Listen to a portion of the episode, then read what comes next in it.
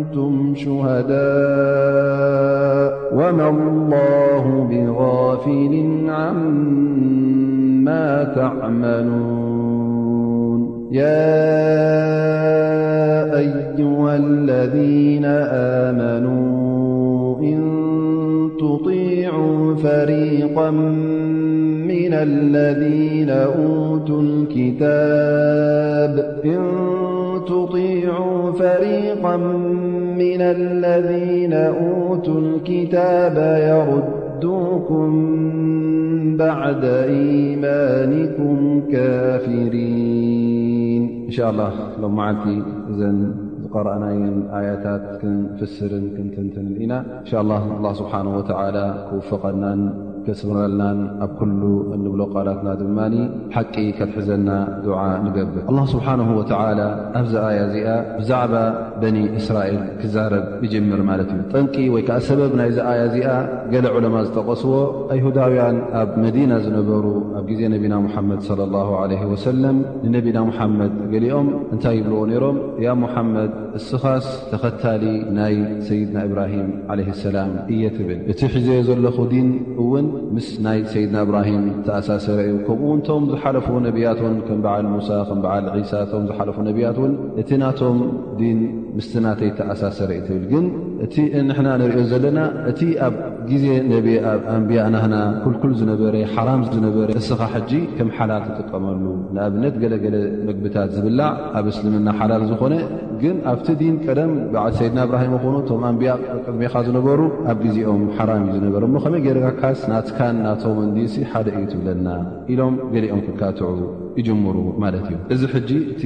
ሓደ ከም መካትዒ ዝኾነ እዚ ኣያ ድማ በዚ ጠንቂ እዚ ወሪዳ ይብሉ ገለ ዑለማ ረወ ኢማሙ ኣሕመድ ብዛዕባ እዚ ድማ እተ ክንሪኮይኑ ናብ ዝያዳ እማም ኣሕመድ ዓን እብኒ ዓባስ ዘመሓላለፉ ሓዲ ይብል ሓضረት ዕሳበት ምና ልየሁድ ኢለ ነቢይ صለ ላ ለ ወሰለም ዕሳበት ትግርኛ እ ክትርጉማ ኮይና ጭፍራ ማለት እዩ ዕሳበት ምና ልየሁድ ኣይ መጅሙዓ ምና ልሁድ ወይ ጭፍራ ካብቶም ኣይሁዳውያን ናብ ነቢና ሙሓመድ ለ ላ ለ ወሰለም ይመፁ ፈቃሉ ያ ረሱላ ላ ኣው ረሱል ዝኾንኳ ይኣምኑ ግን ፈቃሉ ነቢና ሙሓመድ ስ ሰለም ሓድትና ዓን ኪላል ነስኣሉካ ዓንሁ ገለገለ ነገራት ኣለዋ ክንሓተካ ንደሊ ኣለና እሞኒ ብዛዕባአን ክትጠቕሰልናን ክትነግረናን ንደሊ ኣለና እሰን ድማ ብጀካ ነቢይ ዝፈልጠን የብለንን ላ ያዕለሙሁና ኢላ ነቢይ ኣለዋ ነገራት ክንሓተካ ንደሊ ኣለና እሰን ድማ ብዘይካ ነቢይ ካልእ ሰብ ክፈልጠን ኣይክእልን እዩ ነቢ ለ ላ ለ ወሰለም እንታይ ኢሉ መሊሱ ሰሉኒ ዓማ ሽእቱም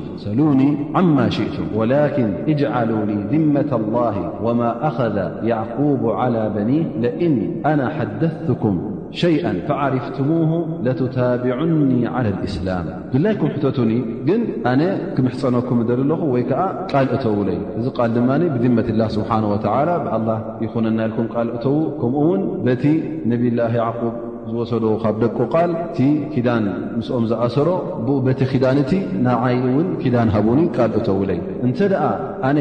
እቲ እትብልዎ ነገራት ኩሉ ሓቅነቱን እንታይ እንታይ ምዃኑን ነጊረኩም እሞ እስኹም እዚ እውን ቅንዕ ከም ምዃኑ እተ ተኣማሚንኩምሉ ኣብ እስልምና ክትክተሉኒ ምዃንኩም ንዓይ ክትክተሉንን ክትስዕቡንን ምዃንኩም ቃል እተውለይ ይብል ነቢና ሙሓመድ ለ ላ ለ ወሰለ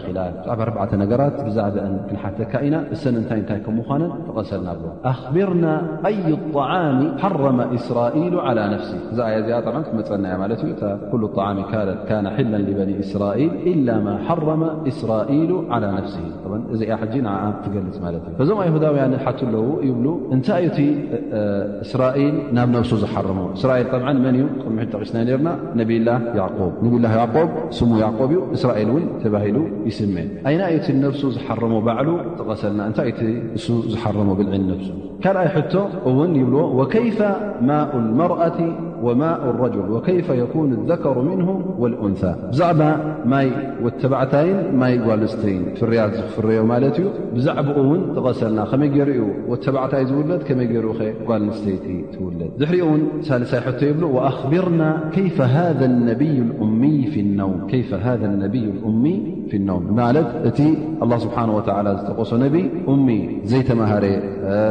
መፅሓፍን ምንባብን ዘይተማሃረ ነቢ ክልኣኽ ከም ምኳኑ ተጠቂሱሎም ነይሩ ግን ብዛዕባ ድቃስ ናቶ ከመይ ገይሩ ከም ዝድቅሲ ብዛዕባ ጠቐሰልና ይብ ወመን ወልይ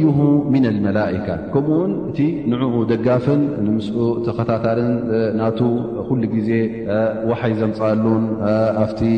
ኩሉ ኩነታቱ ዝከታተሎን ዝድግፎን ኣየናይ መላእካ እዩ ኩሉ ግዜ ምስ ዝኸውን ኣላ ስብሓን ወተላ ዝልእከሉ መኖም እዩ ኣየናይ መላእካ ከም ምዃኑ እውን ትኸሰልና ኢሎም ይሓቱ ማለት እዩ ሕጂ እቲ ዝሓተትዎ ነገራት ኩሉ ይፈልጥዎ ነይሩ ማለት እዩ ኣብቲ ተውራት ዝረኸብዎ ኣብቲ ክታብቶም ዝረኽብዎ ማለት እዩ ሕጂ እዚ ነገራት እዚ ጠብዓን ብጀካ ነቢ ካልእ ዝፈልጦ የለን ስለ ዝበሉ እዚ እውን ነቢና ሓመድ ስ ሰለም እውን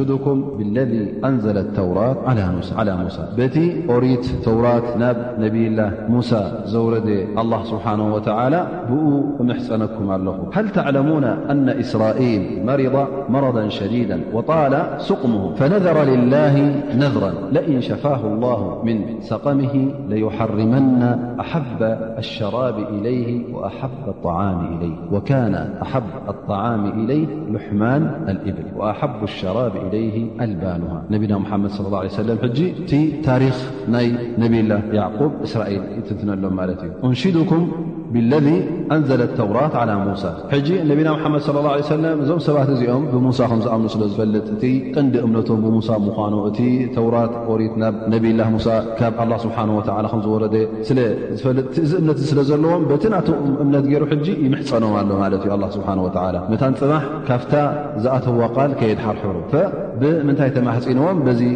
ተውራት ዘውረደ ኣላ ስብሓን ወተላ ናብ ሙሳ እሞ ይብሎም ሃል ተዕለሙን ብዛዕባ ነብላ ያዕቁብ ኣብቲ ክታብትኩም ከም ዝወረደ ትፈልጡ እንዲኹም ሓደ ግዜ ነብላ ያዕቁብ ብርቱዕ ሕማም ሓሚሙ እቲ ሕማም ውን ግዜ ወሲዱ ነዊሑ ምስ ሸገሮ ምስ ደኸመ ኣብ መጨረሻ መብፅዓ ናብ ኣላ ስብሓን ወተላ ኣትዩ ማለት እዩ እቲ መብፅዓናቱ እንታይ ይብል ኣንተ ኣላ እንተ ደኣ ካብዚ ዘለኹዎ ሽግር ካብ ዘለኹ ሕማም ኣውፅእካንስ እቲ ዝፈትዎ መስተን እቲ ዝፈትዎ ብልዕን መግብን ማለት እቲ ብዝያዳ ዝፈትዎ ማለት እዩ እሱ ብዙሕ ምግብታት ብዙሕ መስተታት ይፈቱ ነይሩ ኸውን ተን ዝፈትዎን ብዝያዳ ድማ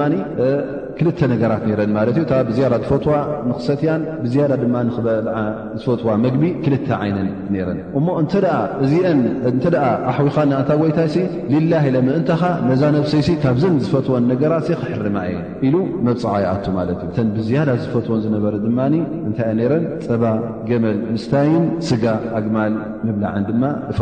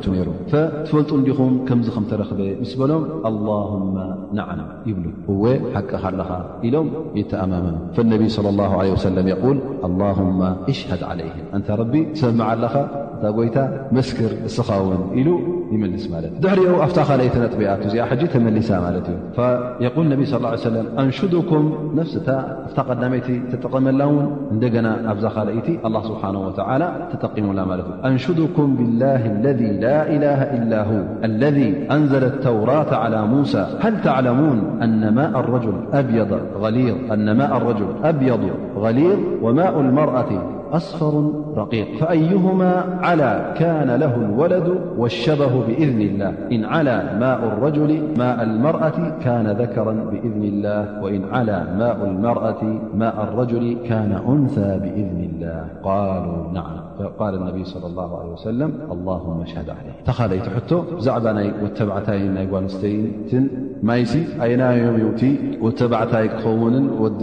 ጓል ንስተይትን ክትከውን ቲ ውላድ ዓብ ግዜ ዘለዎ ኢሎም ሓቲቶም ማለት እዩ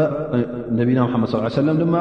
መጀመርያ እውን ተማሕፂንዎም ማለት እዩ በቲ ሓደ ኣላ ስብሓን ወተዓላ በቲ ኣብ ሙሳ ዓለ ሰላም ተውራት ኦሪት ዘውረደ ኣላ ስብሓን ወተዓላ ብኡ ተማሕፂንዎም ማለት እዩ ብድሕሪኡ እቲ ጉዳይ ነግሮም ሃልተዕለሙን ብዛዕባ ናይ ወድ ተባዕታይን ጓል ኣንስተይትን ማይ ናይ ወድ ተባዕታይ ሕፍስ ዝበለ ፃዕዳ ማይ ከም ምዃኑ ከምኡ ውን ናይ ጓል ኣንስተይቲ ብጫን ረቂቕን ማይ ከም ምዃኑን ትፈልጡ እንዲኹም እሞ ኸዓ ኣየናዮም ብዝያዳ ክብ ዝበለ እንተ ኮይኑ ዓላ ኢሉ ነቢ ስለ ላ ለ ሰለ ፈኣይሁማ ዓላ እቲ ክብ ዝበለ ካብ ክልትኦም ናቱ መልክዕን ናቱ ውላድን ከም ዝወስድ ኣይትፈልጡ እንዲኹም ፈኢን ዓላ ማኡ ረጅል እንተ ናይ ወተባዕታይ ክብ ዝበለ ኮይኑ ናይ ወተባዕታይ ክውን ትውላድ ንብኡ እውን ይመስል እንተ ናይ ጓል ንስተይቲ ክብ ዝበለ ኮይኑ እውን እተ ዝውለድ ጓል ንስተይቲ ይኸውን ነዲኡ እውን ይመስል እዚ እውን ብእዝኒ ላ ስብሓን ወላ እዩ ብፍቓድ ኣ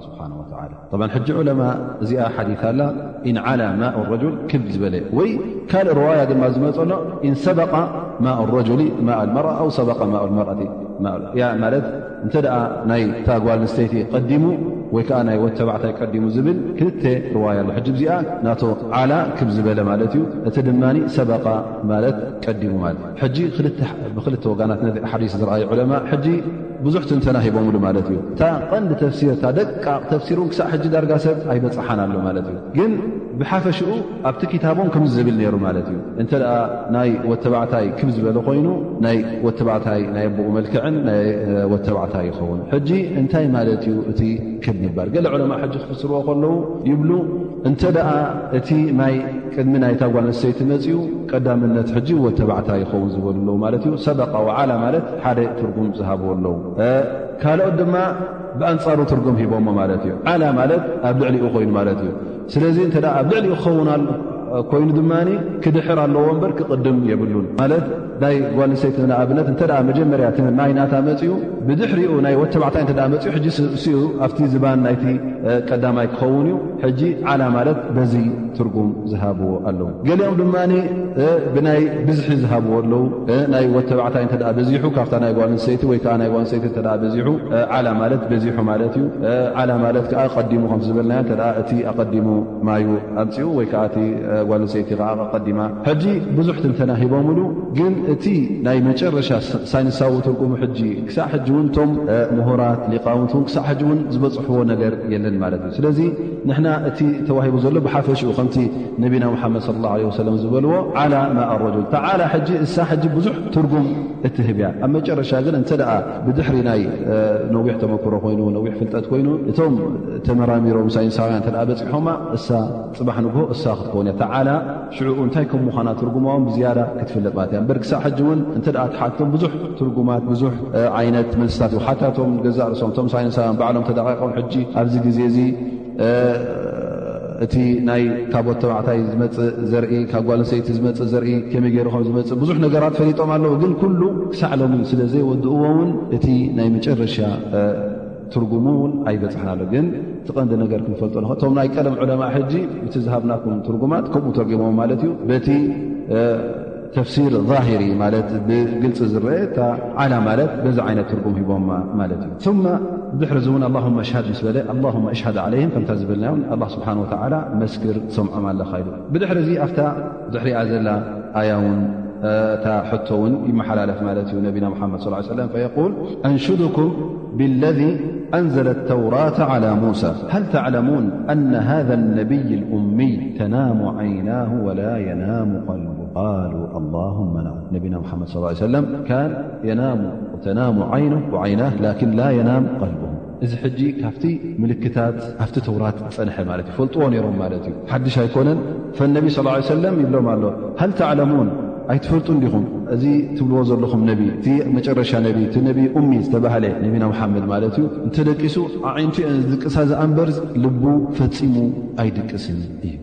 ፈቃሉ ኣላሁመ ናዓም እወ ንሕና እውን ንረኽባ ኢና እዚኣ ይብል ፈየቁል ነቢ ስ ኣላሁማ እሽ ቃሉ ሕጂ እታ ናይ መጨረሻ ተሪፋ የብሎ ማለት እዩ ፈሓድትና ዓን ወልይካ ምና ልመላእካ እቲ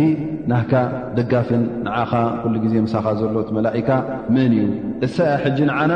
ወይ ናባኻ ክተእትወና ወይ ካባኻ ተተእትን ኩለን ተኣሚንናለ ኢና ማለት እዩ ታረብዐይቲ ተሪፋ ማለት እዩ ፈዕንድሃ ኑጃሚዑክ ኣው ንፋሪቁክ ወይ ምሳኻ ንእከብ ወይ ንበታተን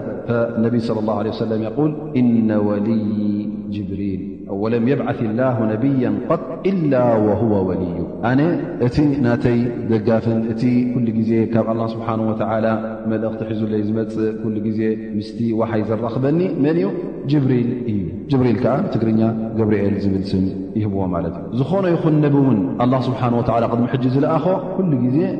እቲ ናቱ ወልይ እቲ ናቱ ደጋፍን ና ኩሉ ግዜ ተኣሳሰር ዝነበረ እውን ምስ ነብላ ጅብሪል እዩ ነይሩ ቃሉ ኣብዚኣ ምስ በፅሐ እቲ ጉዳይ ኩሉ ምስ ረኣይዎ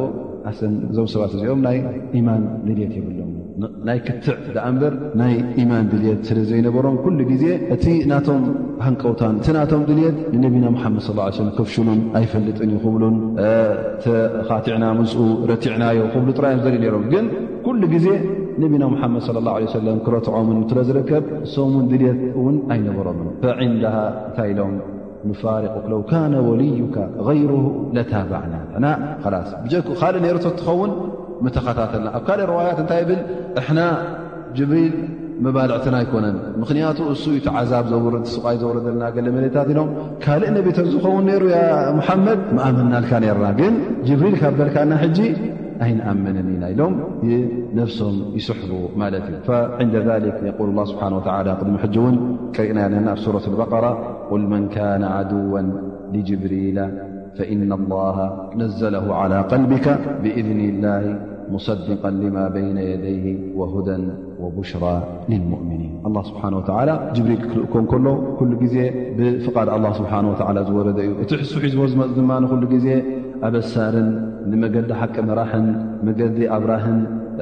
ቅኑዕ ሓበሬታን ሒዙ ዩ ዝመፅእ ዳኣ እምበር ካልእ ነገር ሒዙ ዝመፅእ ኣይኮነን ግን እዞም ሰባት እዚኦም ንሕናስ ፀላኢና ጅብሪል ይኽብሉ ከለዉ እዞም ሰባት እዚኦም ንኣንብያ ነቶም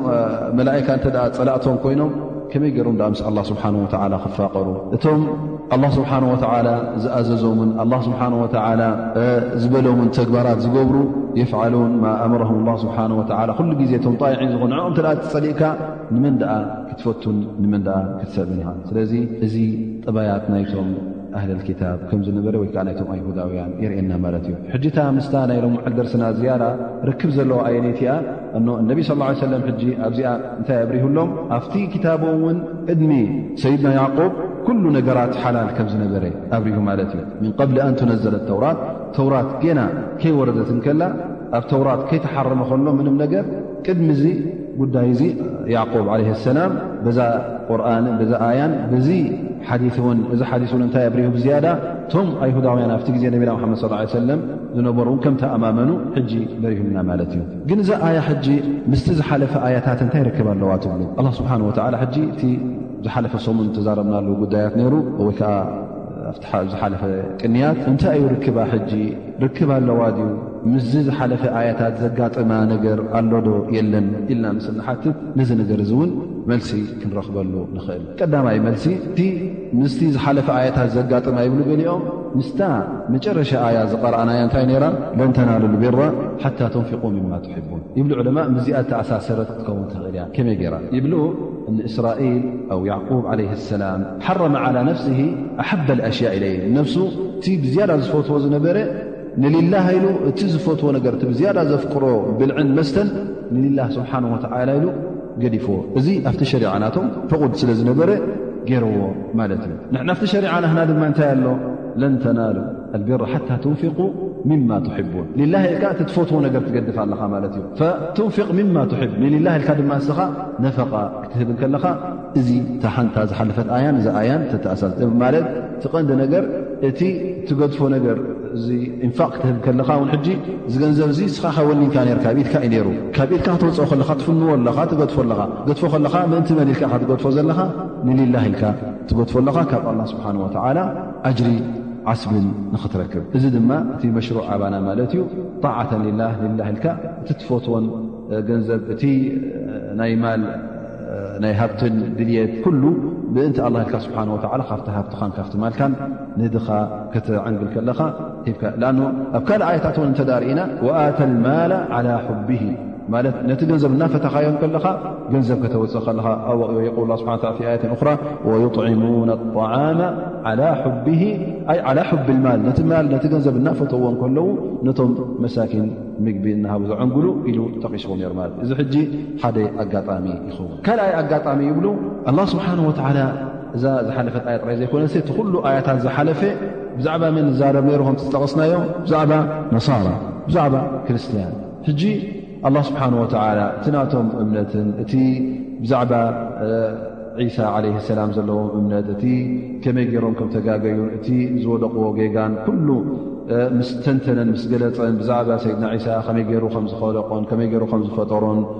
ኣብ ትሕቲ ክእለቱን ኣብ ትሕቲ ናቱ ድልትን ከም ዝነበረን ናብ በኒ እስራኤል ከም ዝለኣኾ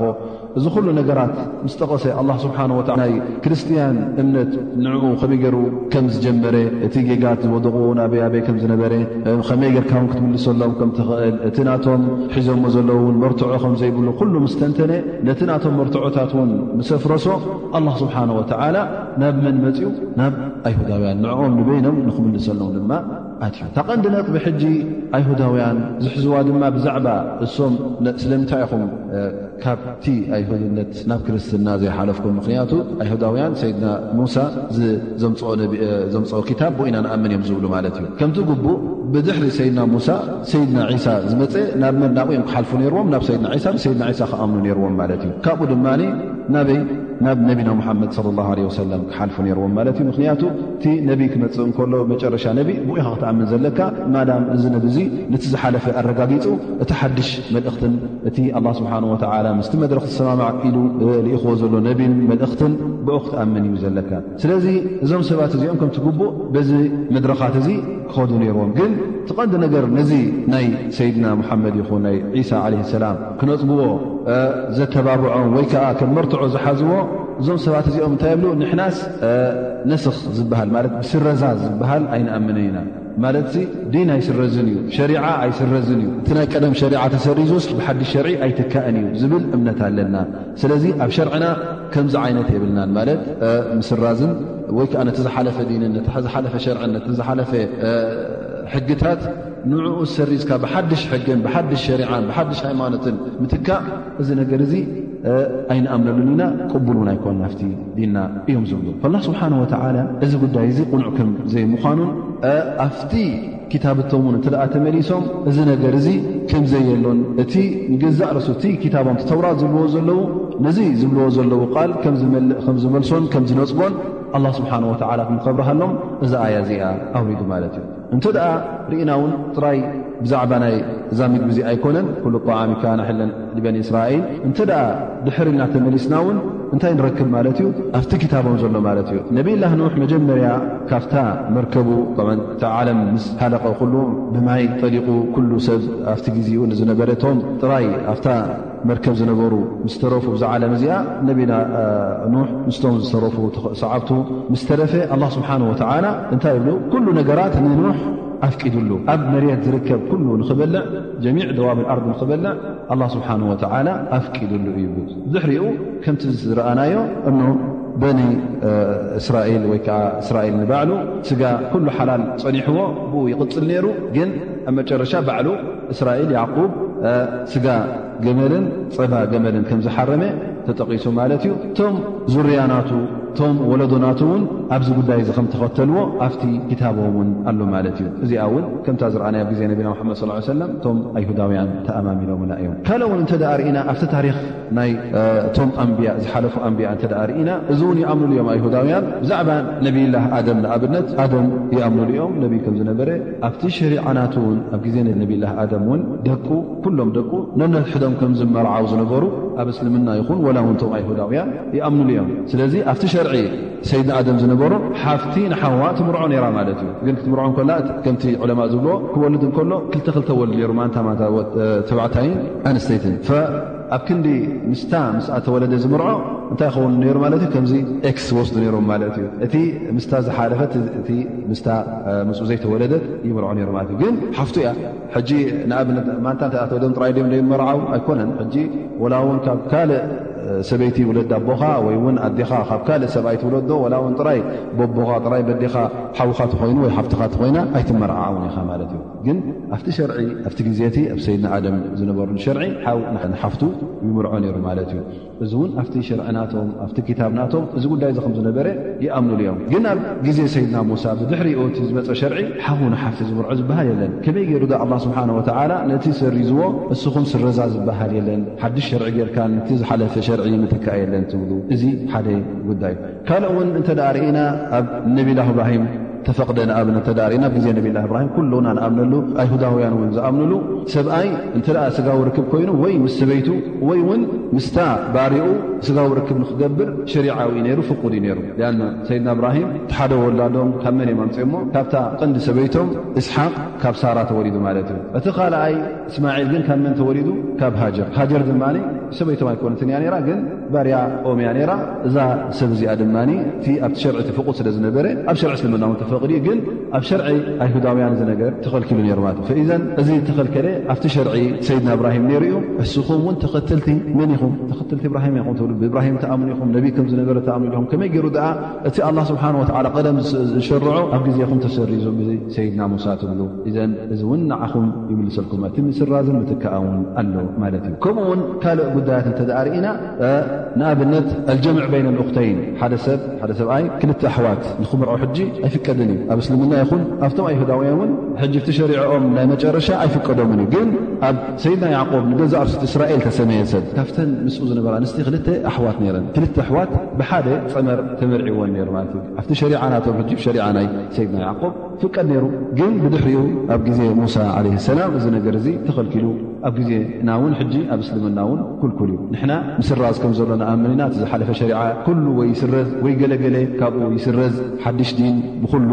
ብሓፈሽኡ ይመፅእ ስለዚ እዚ ኣብ ዲን እስላም ቅቡል እዩ ንስኹም ግን ከመይ ጌርኩም ሕጂ ኣብ ዲን ላ ስብሓን ወተላ ሓድሽ ዲን ምምፃእ ወይ ከዓ ሓድሽ ሸርዒ ጌርካ ንሸርዒ ምትካእ ሓድሽ ሕርጊ ጌርካ ንዝሓለፈ ሕጊ ብሓድሽ ሕጊ ምትካእ የለን ትብሉ ዘለኹም እቲ መፅሓፍኩም ንገዛእ ርእሱ እቲ ተውራ ትብልዎ እዚ ነገር እዚ ዘሎ እዩ ስለዚ እዚ ካብ ኮነ ኣንቱም ኣይሁዳውያን እቲ ሸሪዓ ናኩም እቲ ገዛእ ርእሱ እቲ ናይ ኣይሁዳዊነት ዲን ብሰይታ ተውራት ብሰይድና ሙሳ ዓለ ሰላም ዝወረደት ንገዛእ ርእሳ ብነብላ ዒሳ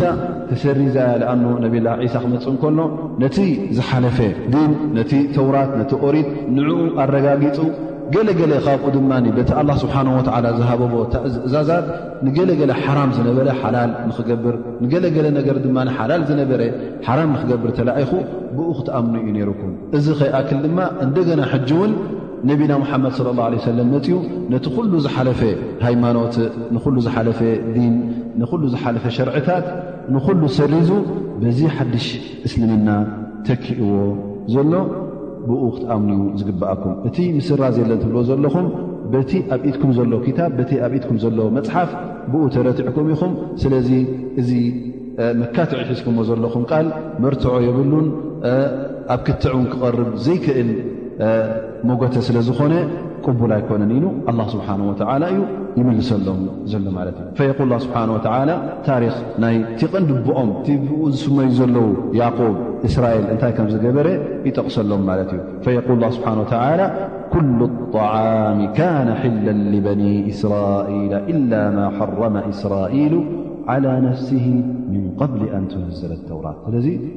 ኩሉ ብልዕታት ፍቑድ እዩ ነይሩ ማለት እዩ ኣብ ግዜ ነብላ ያዕቆብ ብጀካ እቲ ያቆብ ባዕሉ ዝሓረሞ ተውራት ገና ከይወረደት እንከላ ኩሉ እስራኤል ነብሱ ዝሓረሞ እንተዘይኮይኑ እቶም ወለድኡ ውን ባዕሎም ንዕኡ ስዒቦም ተኸቲሎሞ እሱ እንተዘይኮይኑ ኩሉ ዝኾነ ይኹን ብልዒ ዘብኡ ምግቢ ዘብኡ ሓራም ዝበሃል ኣይነበሮምን ማለት እዩ ግን ኣላ ስብሓን ወተዓላ ብድሕሪኡ ኣብ ግዜ ሰይድና ሙሳ ሸርዒ ምስ ኣውረደሎም ገለገለ ሓላል ዝነበረ ነገራት ኣላ ስብሓን ወተዓላ ሓሪሙሎም እዩ እቲ ናቱ ምኽንያት እውን ኣላ ስብሓን ወተዓላ ጠቒስዎ የቁል ስብሓ ወላ ፈብظልምን ምና ለذነ ሃዱ ሓረምና ዓለይህም طይባት ኡሕለት ለሁም እዞም ሰባት እዚኦም ብሰንኪቲ ዓመፅ ናቶም እቲ ዝገብርዎ ዝነበሩ ዓመፅ ንነፍሶም ምዕማፅ ይኹን ንሰብ ምዕማፅ ይኹን ነቲ ሓቂ ዘይምቕብባሎም ንሓቂ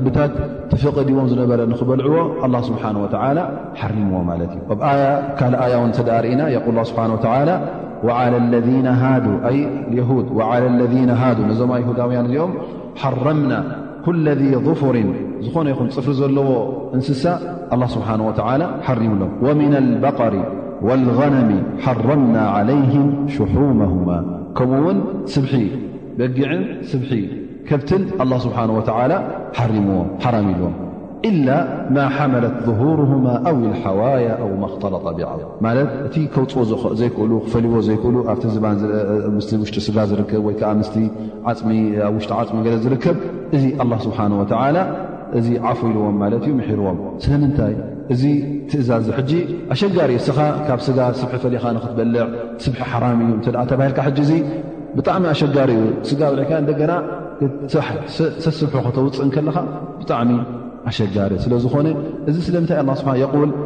ሊከ ጀዘይናሁም ብበይህም ወኢና ለሳድቁን እዚ ነገር እዚ ስለምንታይ ኣላ ስብሓን ወተላ ውሪድሎም መቕፃዕቲ ዩ ወሪድዎም ሊከ ጀዘይናሁም ብበይህም እዞም ሰባት እዚኦም ቅኑዕ መገዲ ሒዞም ስለ ዘይከዱ እቲ ኣላ ስብሓን ወተዓላ ዝሓንፀፀሎም ገደባት ንኡ ስለ ዝሰገሩን ንኡ ስለ ዝጠሓሱን ካብቲ ሕጊ ካብቲ ኣላ ስብሓን ወላ ዝሓገጎ ሕግታት ሰጊሮም ስለ ተመጣጠሩ ኣላህ ስብሓን ወተዓላ እዚ ከምዚ ዝኣመሰለ ነገራት ኣውሪዱ እቲ ሓላል ዝነበረ መግብታት እቲ ጥዑምን ምቁርን ምኡዝን ዝኾነ መግብታት እና እቲ ዝደልዎን ዝፈትዎን ኣላ ስብሓን ወተዓላ ካብኡ ሓሪምዎም ማለት እዩ ስለዚ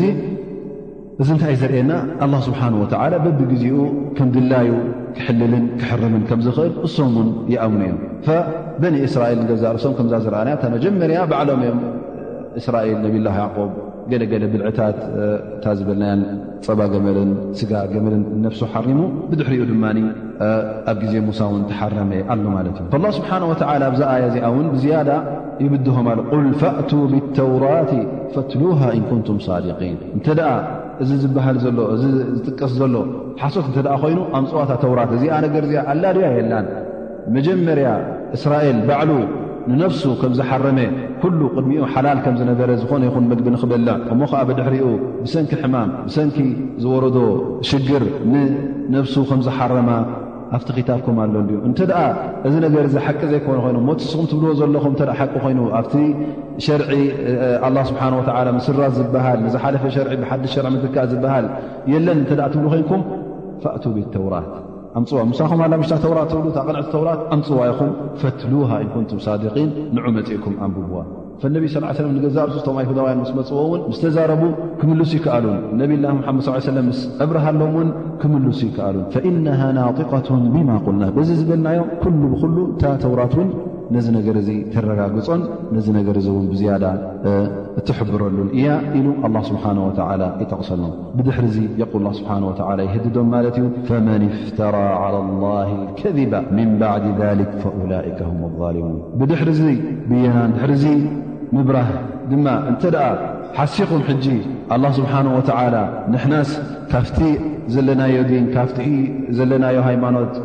ካብቲ እተዋህበና ተውራት ካብቲ ዛበራ ዝወረደ ክታብ ኣይትውፅኡ ኢኹም መዋእልኩም ክሳዕ ዮም ኣልቅያማ ብኡ ቀፅ ኢልኩም ኪዱ ኢኹም ኢሉና እዩ ትብሉ እንተደኣ ኮንኩም እዚ ነገዝሪ እዙ ኢፍትራ ሓሶት እዩ ቦግታ እዩ ባዕልኹም ዘምፃእኩም ሞ ከምዚ ኢሉ ኣይለኣኸን ስለዚ ባዕልኹም ኢኹም ትብሉ ዘለኹም እቲ ዲና ኣይንገድፎን ኢና ምስራ ዝበሃል የለን ዝበሃል ዘሎ ዝኽሉ ኢፍትራ ዓላ ላ ስብሓን ወተላ እዩ ባዕልኹም ዘምፃእኩምዎ እዩ ዳኣ እምበር ቦግ ኣቢልኩም ዘምፃእኩምዎ ይኹም ዳኣ እምበር ኣላ ስብሓን ወተዓላ ፈፂሙ በዚ ነገር እዚ ንዝኾነ ይኹን ነቢ ኣይለኣኸን ስለዚ እቶም ኣንብያ ክመፁ ከለዉ እውን ኣላ ስብሓን ወተዓላ ኩሉ ግዜ መርትዖታት ኩሉ ግዜ መብርህታት ኩሉ ግዜ ትሕጃ ዘለዎ እዩ ዝቦም ነበረ እቲ ነስኽ ዝበሃል እቲ ምስራ ዝበሃል እውን ቅድሚ ሕጂ ተረእዩ እዩ ቅድሚ ሕጂ እውን ኣብ ኩሉ ሸሪዓታት እተገብረ እዩ ኣብ ሸሪዓኹም ጥራይ ከመይ ገይሩ ነስኽ ዝበሃል የለን ትብሉ ክሳዕ ኣብቲ ዲን ኣልእስላም ንገዛእ ርእሱ ኣብ እስልምና ኣላ ስብሓን ወተዓላ ገለገለ ነገራት ኣብቲ መጀመርያ እስልምና ዘፍቀዶን ዝኣዘዞን ኣብ መጨረሻ እስልምና ኣብቲ መጨረሻ ዕድሚኦም ነቢና ሙሓመድ ስ ሰለም ገለገለ ነገራት ሓላል ዝነበረ ኣላ ስብሓን ወተዓላ ሓሪምዎ ሓራም ዝነበረ ድማ ንሓሊልዎ ንገዛእ ርእሱ ኣብ ውሽጢ እስልምና እውን ነስኽ ዝበሃል ኣሎ ስለዚ ንሕና እዚ ንኣመሉ ኢና ሕሶት እውን እዩ ኣይንብልን ኣን ኣላ ስብሓን ወተዓላ ስለምንታይ ከምዚ ኢልካ ሸሪዕካ መጀመርያ እሞኒ ስለምንታይ ዳሕራይ ቀይድካዮ ክትብሎ ኣይትኽእልን ኢኻ ላ ይስኣሉ ዓማ የፍዓል ወሁም ይስኣሉን ንኣላ ስብሓን ወተዓላ ስለምንታይ ኢልካ ፈፂምካ ክትሓቶ የብልካን ፈፂምካ እውን ክትሓቶ ኣይፍቀደካን እዩ ስለዚ እዚ ብሕክማ ኣላ ስብሓን ወተዓላ ብጥበቡ ዝገበሮ እንታይ ንዓኻ ጠቅመኻ እንታይ ጠቕምጥቕምኻ እንታይ ከም ምዃኑ እንታይ ጎድኣካ ኣላ ስብሓን ወተዓላ ብዝያዳ ካባኻ ስለ ዝፈልጦ እዚ ናይ ኣላ ስብሓን ወተዓላ ድልት እዩ እንተ ደኣ ኣብዚ ሕሶት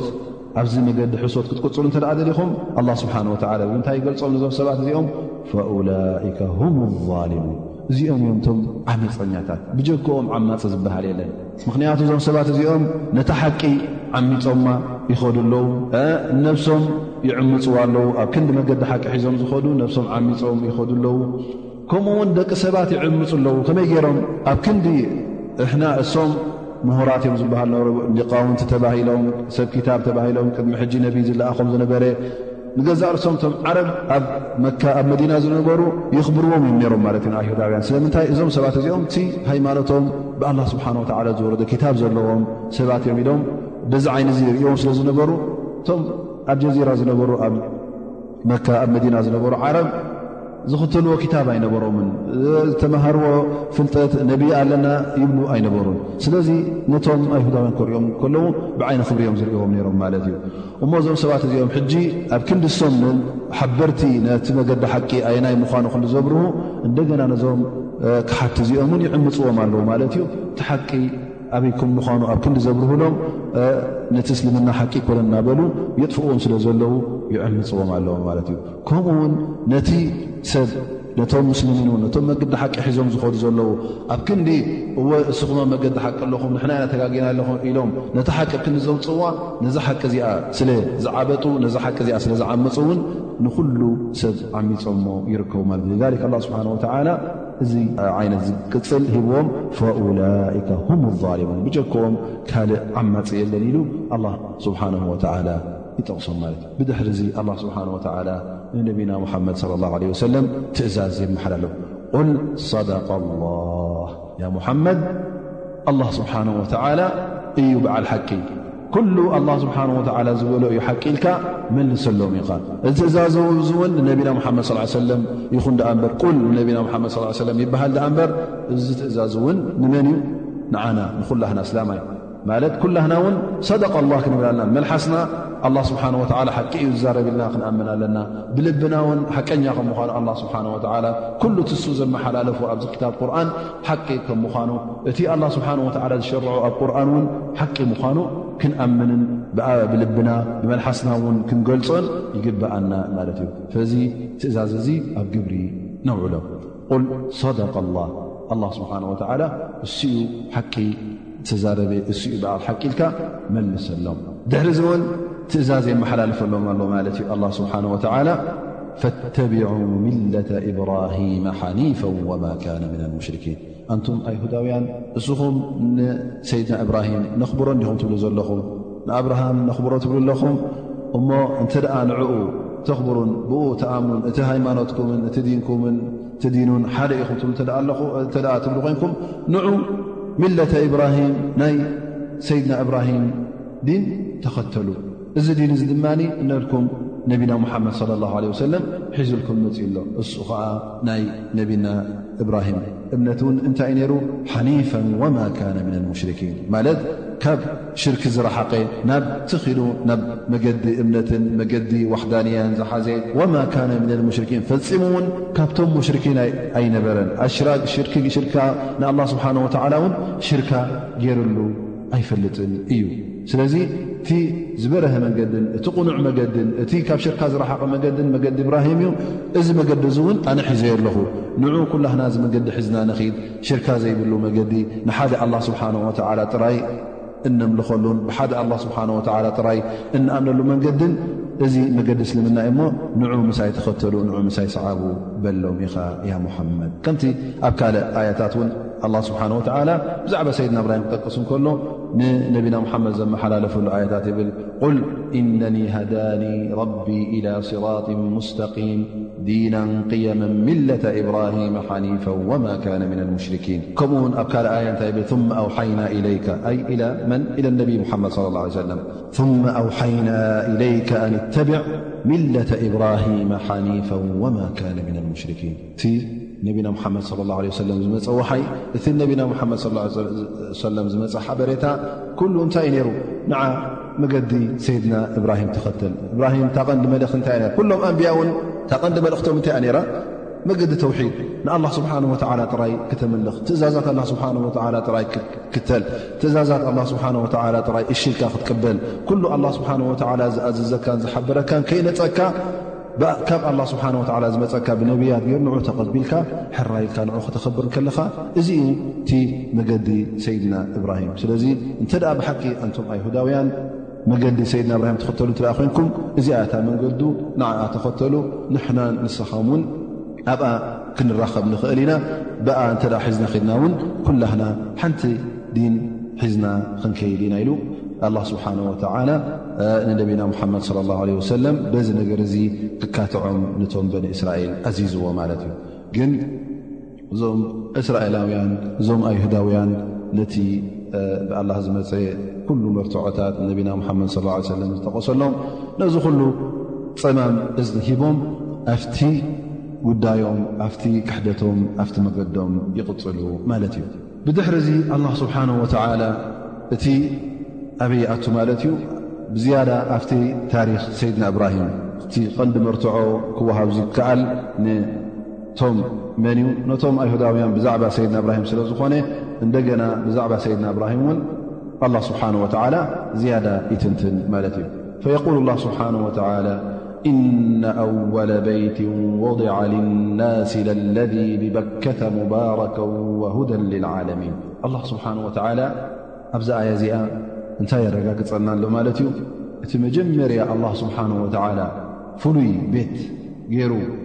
እተሃንፀ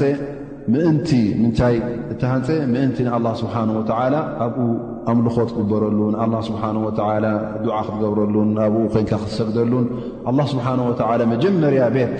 ኣብ ዛዓለም ኣብዛ ኣዱንያ ክትህነፀሉ ዝኣዘዘ ኣየነይቲ ቤት እያ እታ ቤይትላህ ኣብ መካ ዘላ እያ እነ ኣወለ በይት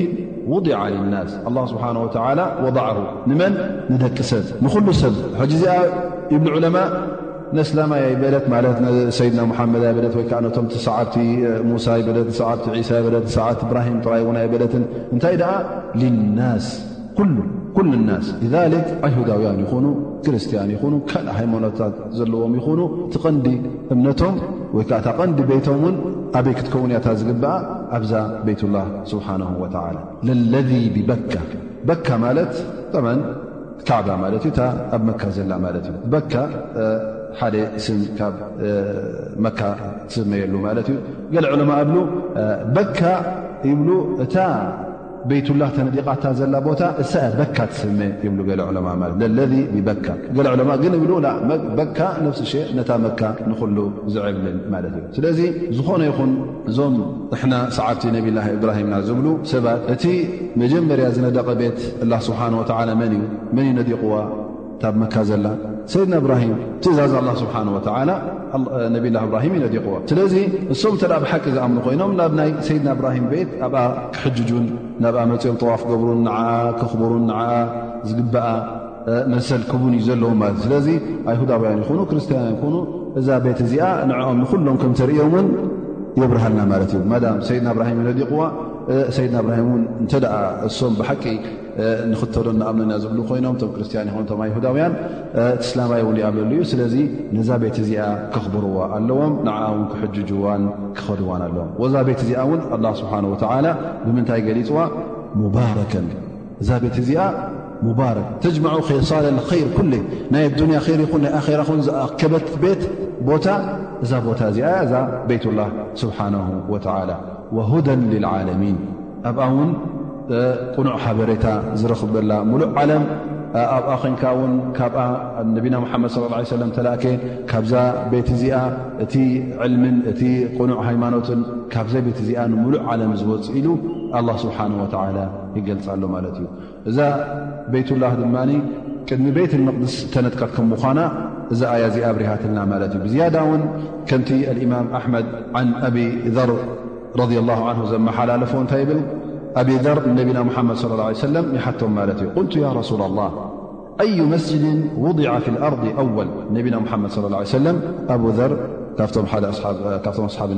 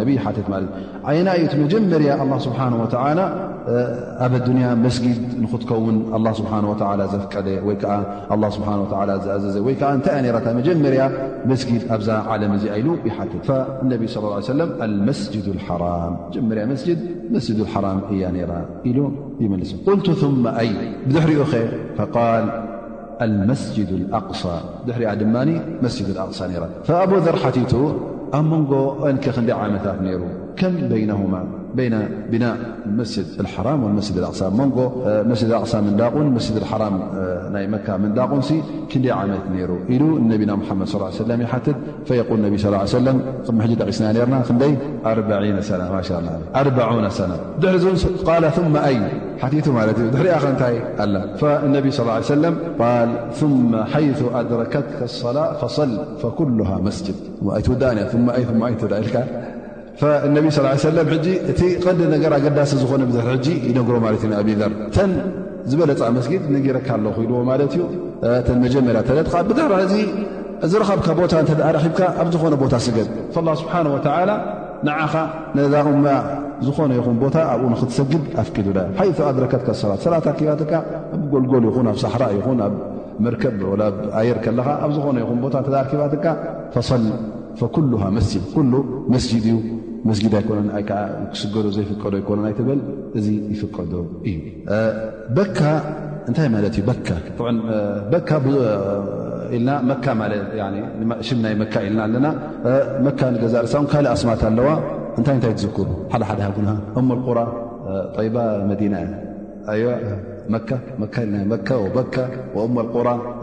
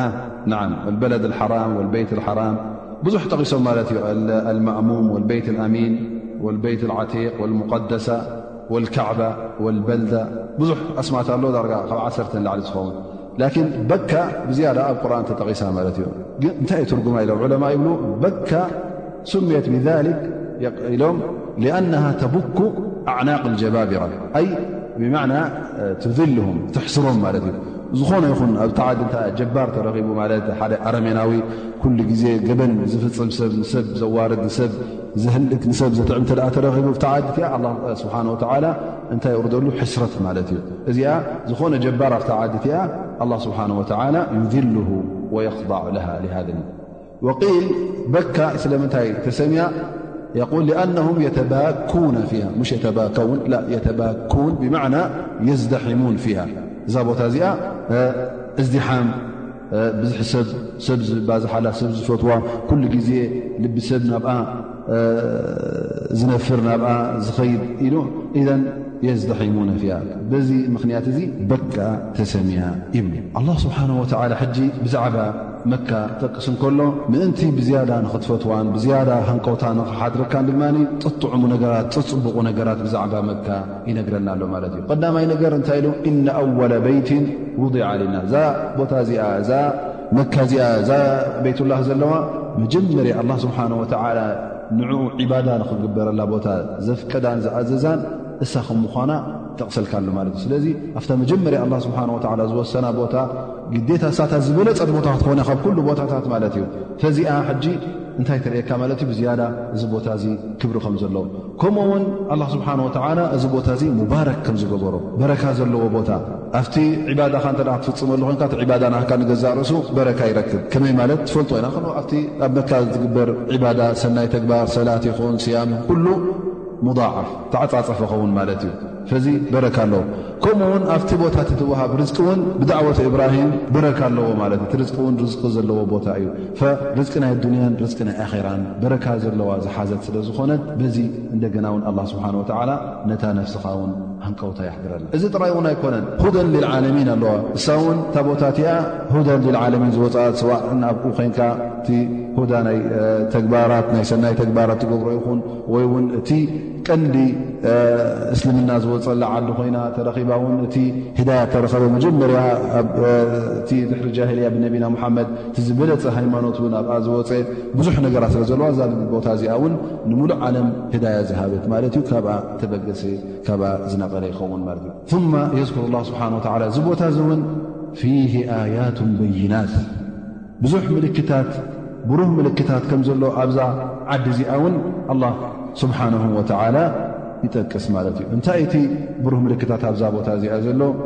እንታይ እንታይ ከም ምኳኑ እንሻ ላ ድሕሪ ኣዛን ንጠቅስ ማለት እዩ ፊ ኣያት በይናት እንታይ እቲ ብሩህን ግሉፅን ዝኾነ ምልክታት ዘለዋ ከምኡወዛ ቦታ እዚኣ እዛ ከተማ እዚኣ ወይ ከዓ እዛ ቤትላ ስብሓን ወተላ ብልፅትን ብዝያዳ ሽረፍ ዘለዋን ክብሪ ዘለዋን ዝገበረ ኣላ ስብሓን ወተላ ብድሕሪኣ ተጠቂሳ ማለት እዩ ኣበይ ኣሎቲ ምልክታት ይብል መቃሙ ኢብራሂም ቐንዲ ሓደ ምልክት ማለት መቃሙ ኢብራሂም መቃሙ እብራሂም እታ ነብላ እብራሂም ለ ሰላም ደው ኢሎም ነዛ ቤትላ ስብሓን ወተላ ኣብ ዝባና ኮይኖም ዝሰርሑላ ዝነበሩ ማለት ነብላ እብራሂም ምስ ወዶም እስማዒል ነዛ ገዛ እዚኣ ክነጥቅዋ ከለዉ ነዛ ቤት እዚኣ ክነጥቅዋ ከለዉ እቲ መንደቕ ከርክብዎ ክብ ምስ በለ ከርክብዎ ኣይከኣሉን እንታይ ኣምፅኦም ማለት እዩ እምኒ ምፅኦም ማለት እዩ ኣብኣ እናደየቡ ነታ ቤት ንላዕሊ ይልዕልዋ ነይሮም ማለት እዩ ስለዚ እዚ እምኒ እዚ ክሳዕ ሎሚ እውን ኣሎ ማለት እዩ እዚ ሕጂ ሓደ ምልክት ይኸውን ማለት እዩ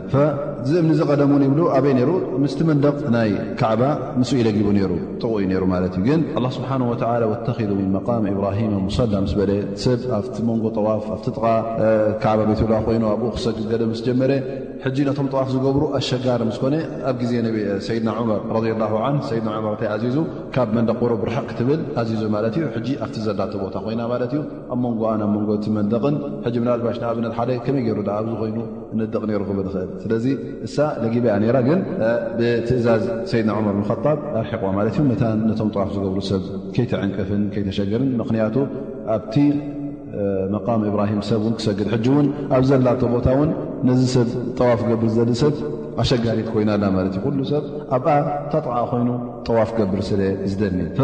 እዚኣ እቲ ሓንቲ ምልክት እያ ይብሉ ግን ካልእ ዑለማእ ውን ይብሉ እዚ ጥራይ እውን ኣይኮነን ዘሎ ምልክት እዚ ቦታ እዚ ዓብ ክብርን ዓብ ሸረፍን ዘለዎ ከም ምዃኑ ዘርኢ እንታይ ደኣ ሓንቲ ካብኣ መቃም እብራሂም እያ ግን ከምኡ ውን ኣሎ እቲ ቦታታት እቲ መሽዓር ሓራም ኩሉ እቲ ናይ ሓጅ ነገራት ትፍፅመሉ ኩሉ እሱ እውን እቱ እዩ ይብሉ ሙጃህድ ይብል እውን እታ ቐንዲ ወይከዓ እታ ብዝያዳ ምልክት እንትበሃል እውን እቲ ኣሰር ኣእጋር ነብላ እብራሂም ኣብቲ እምኒ ወፅኡ ዝነበረ ማለት እዩ እዚ እውን ክሳዕ ኣብ ግዜ ነቢና ሙሓመድ ስ ሰለም ኣብቲ መጀመርያታ ሽሙ እውን እረአ ነይሩ ማለት እዩ ተኣሰር ሰብ ብዓይኑ ርእዎ ነይሮም ሓታ ኣብቲ እቶም ዓረብ እውን ኣብቲ ግጥሚናቶም እውን ጠቒሶሞ እዮም እዚ ነገር እዚ ላ ስብሓን ወተላ እዛ ቦታ እዚኣ ከምዚ ምም ምዃና ይጠቅስ ኣብ ርእሲኦ እውን እንታይ የብል ስብሓ ወመን ደኸለሁ ካነ ኣሚና ብዝያዳ ድማ ሕጂ እንታይ እዩ ዝሕድረልካ ዘሎ እዚ ኩሉ ሕጂ ብልፀት ናይዛ ቦታ ብልፀት ናይዛ ዓዲ ብልፀት ናይዚ ቤት እዚ የርእካ ኣሎ ኣላ ስብሓን ላ ወመን ደኸለሁ ካነ ኣሚና ኣብዚ ቦታ እዚ ኣብዚ ቤት እዚ ዝኣቱ ድማ ኣላ ስብሓን ወተዓላ ኣማን ሂቦ እዩ ዝኾነ ይኹን ዝፈርሀ ሰብ ካብ ፀላእ ይኹን ፈሪሁ ካብ ካልእ ሰብ ሓደ ሰብ ክቐትሎ ይኹን ኣንጻር ዝመፀ እተ ፈሪሁ ኣብዚ ቤት እዚ ክኣቱ ከሎ ኣማን ይኸውን ነይሩ ማለት እዩ እዚ ኣማን እዚ እውን ሓታ ኣብቲ ግዜ ጃሂልያ ኣብቲ ዲን ዘይነበሮ ግዜ ማለት ቅኑዕ ዲን ዘይነበሮ ግዜ ኣብ መካ ኣብ ግዜ ጃሂልያ እንከሎ ፈፂሞም እቶም ሙሽርኪን ነንሕዶም ኣብዚ ቤትላ ይቃተሉ ይነበሩ ይብሉ ወላ እውን ሓደ ሰብ ቀታሊ ኣቦኡ እናረኣየ እንከሎ ኣብ መካ እንተ ረኪብዎ ፈፂሙ እቲ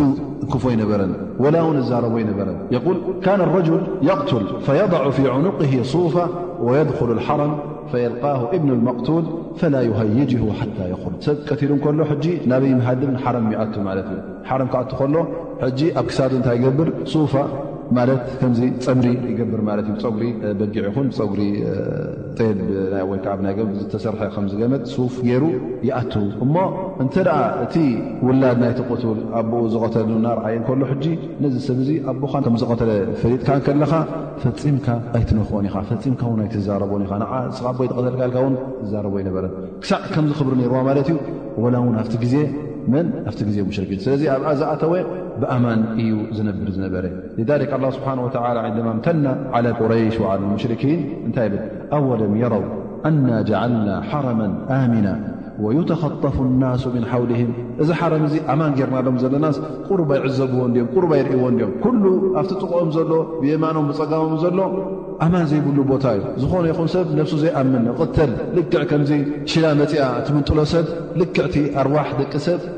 ኣብቲ ካልእ ቦታታት እናተመንጠለ ከሎ እሶም ግን ኣብቲ ሓረም ኣብቲ ቤትላ ኮይኖም በቲ ኣላ ስብሓን ወላ ኣማን ዝገበራ ነዚ ዓዲ ኣማን ይነብሩ ኣለዉ እሞ ነዚ ኣማን እዚ ነዚ ንዕማ እዚ ነዚ ሰናይ ዝርኦም ቁሩብከ ኣይዕዘቡን እዮም ቁሩብከ ኣብ ልቦም ኣይምለሱን እዮም ኢሉ ኣላ ስብሓን ወላ እውን ጠቒሱሎም እዩ ኣብ ካልእ ኣያ እውን ኣብ ልኢላፊ ቁረይሽ ፈያዕቡዱ ረባ ሃذ ልበይት ኣለذ ኣطዓመሁም ምን ጁዕን ወኣመነሁም ምን ኸውፍ ፈፂሞም ኣብ መካ ዝነበሩ ይፈርሁ ነበሩ ፀላኢ ክሃጅሞም ፀላኢ ክመፆም እዚ ኩሉ ኣስጋኢ ኣይነበረን ወላ እውን ፀላኢ ምስ ፈተነ ብዛዕባ ኣብ ታሪክ እተርእና እውን ኣብርሃ ንመካ ክሃጅ ምስ መፀ እውን መን እዩ ተኸላኪሉላ ህዝቢ መካ ይተኸላኸሉ ኣላ ስብሓን ወተላ ባዕሉ ነቲ ኣብርሃ ሒዝዎ ዝመፀ ዓስከር ኩሉ ብኣላ ስብሓን ወተላ ብሓንቲ መዓልቲ ልክዕ ከምቲ ኣላ ስብሓን ወተዓላ ዝበሎ ፈጃዓላሁም ክዓስፊን ማእኩል ከም ብሉዕ ሳዕሪ ገይሩ ኣላ ስብሓን ወተዓላ ነዞም ሰባት እዚኦም በታቲኑን ስዒሩን ካብ ዓዲ ድማ ከም ዝረሕኩን እንታ ዓዲ እውን ብሰላም ብኣማን ከም ትነብር ገይርዋ ማለት እዩ ስለዚ እቲ ኣማን እውን ንወዲ ሰብ ጥራይ ከም ዘይኮነ እውን ንርኢ እንታይ ደኣ ኣብቲ ሸርዕና እተ ክንርኢ ኮይና እውን ሽዑ እውን ነይሩ ኣብዛ ቦታ እዚኣ ኣብ ሓረም ዘሎ ዝህደን እንስሳ እውን ንኽህደን ይፍቀድ ኣይነበረን ብገዛርት እንስሳ ጭሩት ኹን ዝኾነ ይኹን እንስሳ ሃድን እተ ኮይና ይበረኻ ፈፂምካ ክትሃድኖ እውን ይፍቀድ ኣይነበረ ሕጂ እቲ እንስሳ ንገዛ ርእሱ እውን ብኣማን ይነብር ነይሩ ማለት እዩ ኣይኮነን ሰብሲ እቲ እንስሳ ብኣማን ዝነብረሉ እዚ ቦታ እዚ ኣላ ስብሓን ወተዓላ ኣማን ገይርዎ ማለት እዩ ኣይ ትሃድኖ ኣይ ተሳጉጎን ከማን ማለት እንተ ኣብ ውሽጢ ሓረም ርኢኻዮ ሞኒ ምእንቲ ካብ ሓረም ክተውፅኦ ኢልካ ኣንፊርካ ወይ ከዓ ኣጋሊብካ ተውፅኦ ዳሕራይ ኣብንዮ ክትሃድኖ እውን እዚ እውን ኣይፍቀደካን እዩ ስለዚ እንተ ሃዲ ርኢኻ ውን ኣብ ሓረም ትንክፍ ከተብሎ የብልካን ወላ ውን ብድምፂ ይኹን ላ ውን ብተኩሲ ላ ውን ብዝኾነ ይኹን ላ ውን ብእምኒ ሰሰንዲኻ ኮይኑ ገለ ኮይኑ ከተባርር የብልካን እዚ ሕጂ ከምዚ ዝኣመሰለ ንደቂ ሰብ ዘይኮነስ ወላ ውን ንእንስሳ ኣማን ዝኾነ እዩ ከምኡ ውን እዛ ቦታ እዚኣ እዛ ሓረም ቤትላ ስብሓን ወላ ገረብ ንክቁረፃ ውን ኣይፍቀድን እዩ ነቢ ለ ሰለም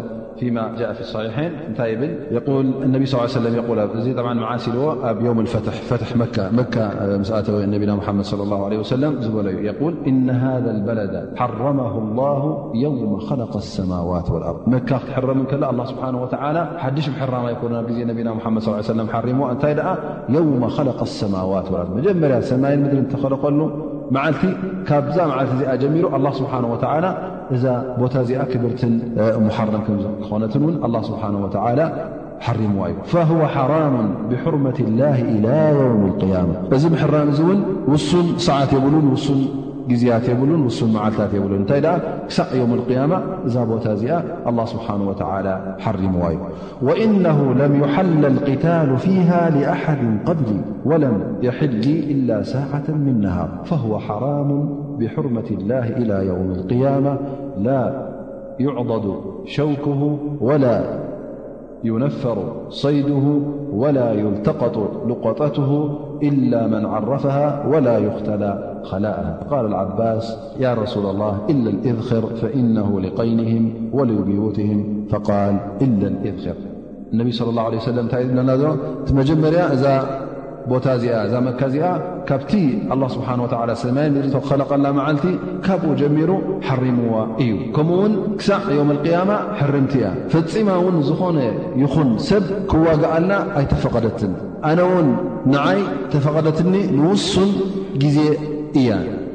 ሙሉ መዓልቲ እውን ኣይኮነን ንውሱን ሰዓታት ኣብ መዓልቲ እያ ተፈቒዳትለይ ብድሕሪ ሕጂ እውን ዝኾነ ይኹን ሰብ ክትፍቀድ ኣይኮነትን ስለዚ እታ ተፈቐደትለይ ኩናት ክኸፍተላ ውስንቲ ሰዓታት እየ ራ እሳ ውን ተኸፊታ ተዓፅያ ማለት እዩ ስለዚ ቅድመይ ንዝኾነ ይኹን ኣይተኸፈተትን ንዓይ እውን ንውሱን ሰዓት እያ ራ ብድሕረይ እውን ሓራም እያ ማለት እዩ ስለዚ እዚ ስለ ዝኾነ ድማ እዛ ዓዲ እዚኣ እዛ ቤት ላ ስብሓን ወተላ ሓራም ትኸውን ፈ ሓራሙን ብሕርመት ላህ ኢላ ዮም ቅያማ እእሻኹ ይኹን ገረቡ ይኹን እውን ክቆረፅ የብሉን ከምኡ ውን ሃድናት እውን ክስጎግን ክትሃድኖን የብልካን ከምኡ ውን እንተ ዝጠፈአ ማል ኣሎ ኮይኑ ገንዘብ ኮይኑ ሻንጣ ኮይና ዝኾነ ይኹን ካብ ሰብ ዝወደቐ ነገር እተ ኣሎ ኮይኑ ፈፂምካ ከተልዕሎ የብልካን ንዓኻ ክትወስዶ ይኹን ላ ግን እንተ ክትሓትት ኮይንካ ይፍቀደካ ማለት እዩ ትሓተሉ ኩሉ ግዜ ትሓትት ናይ መን እያ እናበልካ ክትሓትት ኮይንካ ናብ ሰባ ንኸተብፅሓ እፍቀደካ እተዘየሎ ኣብታ ቦታ ክትገድፋ ኣለካ እንተ ነዚ ግብሪ ዚ ክትገብር ክእለት ዘይብልካ ከምኡ ውን ካልእ ዘሎ ሳዕርታት ውን ክቁረፅን ክዕፀድን ኣይፍቀድን እዩ ከምዚ ምስ በለ ነቢና ሙሓመድ ስ ሰለም ንዓባስ ኣብቲ ሰዓት እቲ ኣብኡ ነይሩ እንታይ ይብል ኢላ እዝክር ያ ረሱላ ላ እዝክር ዝበሃል ገረብ ኣሎ ማለት እዩ ኣብ መካ እዚስ ያ ረሱላ ላህ ኣፍቅደሎም ምኽንያቱ እዚ እድኽር ዝበሃል ገረብ ንገዛውቶም መሸፈኒ ዝኾም ብጀክኡ የብሎምን ንሱ እዮም ዝጥቀሙ ከምኡ ውን ኣብቲ መቓብሮም ውን ብኡ እዮም ዝጥቀሙ ቀብሪ ከደላድሉ ከለዉ ኣብ ቀብሪ እተ ከይፈርሶም ከይብሎም ደልዮም ውን በዚ ዕንጨይቲ እዚ በዚ ናይዚ ዓይነት ኣግራብ እዚ ብኡ እዮም ዝገብርዎ እሞ ያ ረሱላ ላ እዚኣ ሳፍቅደሎም ይብል ፈነቢ ስ ላ ሰለም ፅንሕሉ ኢለ እድኽር ይብል እድኽር ጥራይ ተፈቒድኩም ኣሎ ኢሉ ነብላ ስብሓን ወተላ እዛ ዓዲ እዚኣ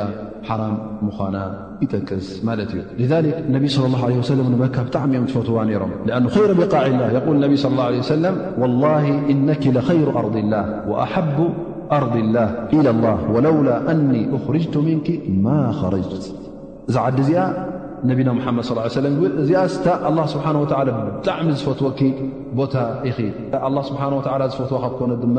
ነቢና ሙሓመድ ስ ሰለም ንክፈትዋ ባህርያዊ እዩ ማለት እዩ ስለዚ ወለውላ ኣኒ